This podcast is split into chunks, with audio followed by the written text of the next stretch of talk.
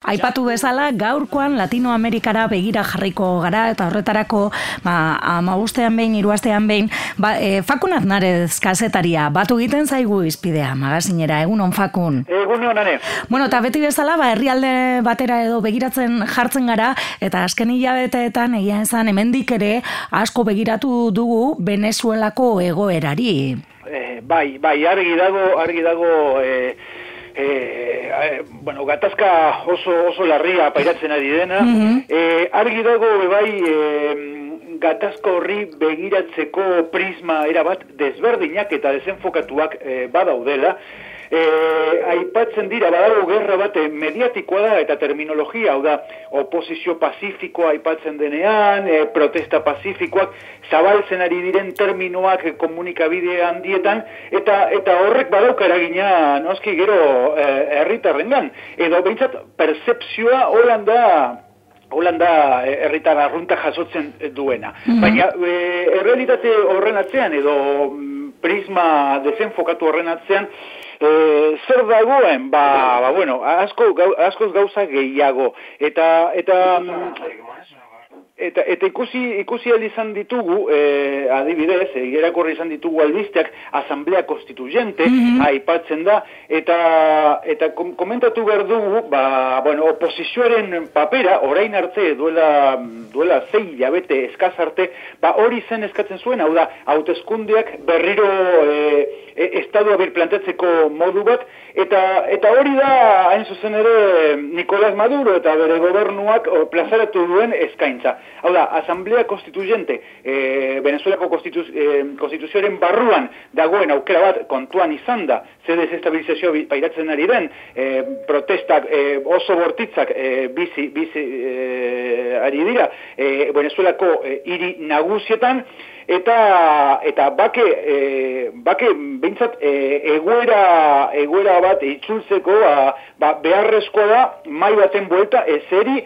e, hauteskundeetara joan eta herriak erabaki dezala ze ze irten bideak e, hartu e, datozen e, urteotan. Mm eta eta hori izan da e, jok, um, ba, Nicolás Maduro plazaratu duen eskaintza eta orain e, oposizioak dio ezetz Ez ez, ez ez, ez Eta orduan, zer bilatzen ari da Venezuelako oposizioa, ba, kanpoko interventzio militar bat. Hau da, edo, edo baldintzak prestatu, gai kanpotik e, ikusi izan duguna. E, errepikatzen dela termin, e, terminologia bera, bai Ukranian e, bizi izan denan, eta gero legitimatu egin dena, eta, eta, eta orain Venezuelan e, ikusten, ikusten ari gara nola gure Europako hiriburuetan e, oposizioa, komatxen artean, baketsua dena e, mobilizatzen ari dana, baina benetan e, hemen ikusten ari gana, biktimak e, gehien gehienak e, alde bakar bate, batekoak dira, hau da, e, herri e, mobilizatua, hau da, gobernuaren alde edo behintzat oposizioaren aurka mobilizatzen den e, herritarrak e, erasotak izaten ari direla, ba, bueno, hainbat auzoetan. Eta zentsu dira auzoi horiek, ba, klasertzen edo goi mailako e, auzoak. Eta hori da, e, hemen errelatuan kontatzen ez den, hau da, e, privilegioak e, hainbat urtetan, jende gutxik privilegio asko izan duenak, ba ez duela, ez duela nahi euren e, auzoetan e, herri e, txiroa edo klase bekoa izan da, ba, mobili, be, euren mobilizazioak ikusi. Eta horiek izaten dira erasoak izaten direnak. Beraz, e, hemen e, mediatikoki badago bataio bat e, terminologietan, hau da, biktimak, biktimak, biktimak aipatzen direla, baina biktimak zeintzuk diren e, ez dira ez da bat ere aipatzen. Mm -hmm. gezurra, gezurrak hautezkundeak nahi ditugu, baina gero hautezkundeak e, izateko aukera dagoenean, ba ez, ez ditugu nahi eta ez, du, ez gara bilduko. Beraz, e, e, ikusten ari da, oposizioaren debilitazio, debilitazio bat e, alde batetik, e, ikusi beharko da, ikusi beharko da, nola bideratzen den, eta ze, ze parametroak ematen diren Asamblea Konstituziente hautezkundeak edaitzeko, baina datozen hilabetetan, ba, ba, bueno, ba, ba, albiste jarraitzen izan izango da Venezuela, zalantzarik gabe, e, kontuan izan da, kontuan izan da ze garrantzia daukan e, herrialdeak daukan hemisferioko erako bai, bai, bai. Latinoamerika osorako mm -hmm. bueno, e, alanda be, mendik ikusita ikusten da zailtasun asko egongo direla egoera baretze aldera, ez? Ez, ez, ez, egoera ez da baretuko mm -hmm. eta oposizioak ez, ez dola, bat, bat ere nahi egoera baretu, are gehiago e, e, e, zua pizten ari da, hainbat e, e, e, esparruetan, eta eta hor momentu batean euren kontra bueltatuko da, e, ja ikusten ari da e, oposizioaren barruan e, zatiketa badagoela, e, e, autagai bat e, proposatzeko arazoak dauzkatela, eta, eta hori da hain zuzen ere e, errealitateak e, erakusten ari dena. E, ikusi, ikusi, ikusi berko da, ikusi berko da, ze segurazki, eh, haiek ere bai baretuko dituztela euren planteamenduak, baina, baina ikusi izan dira, adibidez, eh, eh, auzo batean, eh, hainbat eh, kaputxadunek, e, zartu zirela hilerri batera eta barrikadak egiteko hilkutsak atera dituztela e, errepidetara.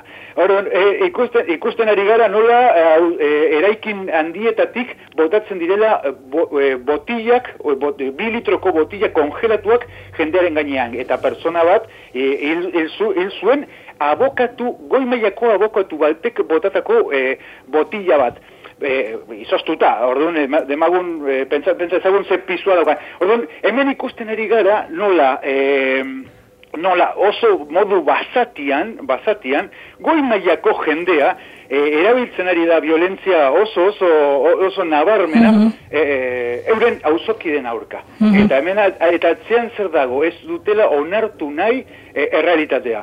Eta eta horrek horrek e, bueltan itzuliko zaio ba, euren aldarrikapenen aurrean, e, euren e, bat egiteko hautagai baten atzean bat egiteko e, e, zera nahian eta eta hori segurazki e, ikusiko da e, hauteskundetan. Mm Beraz, e, ba, bueno, baina, baina bintzat, bai batalla e, mediatikoa e, jarraitu behar du ematen, ze, ze benetan e, askotan epatzen dugu, e, jende asko, jende asko soilik elikatzen dela telebistaren, e, telebistatik botatzen diren albistatetik, e, albistatetik, albisten gandik, edo e, komunikabideen diak. Eta, eta horiek dira batalla mediatikoa, ba, ba bueno, da, ba, ematen, ematen dutena eta eta nola nahazten direla terminoak, ze jendea pentsatzen du, ba, benetan, e, gobernuak e, hiltzen ditu, dituela oposizioko kideak eta, eta bueno, zare sozialetan edo hainbaldekoetan, e, ikusten ditugu bideoak, e, irudiak eta bare, ba, ba, era bat e, kontrako errealitatea erakusten digu. Mm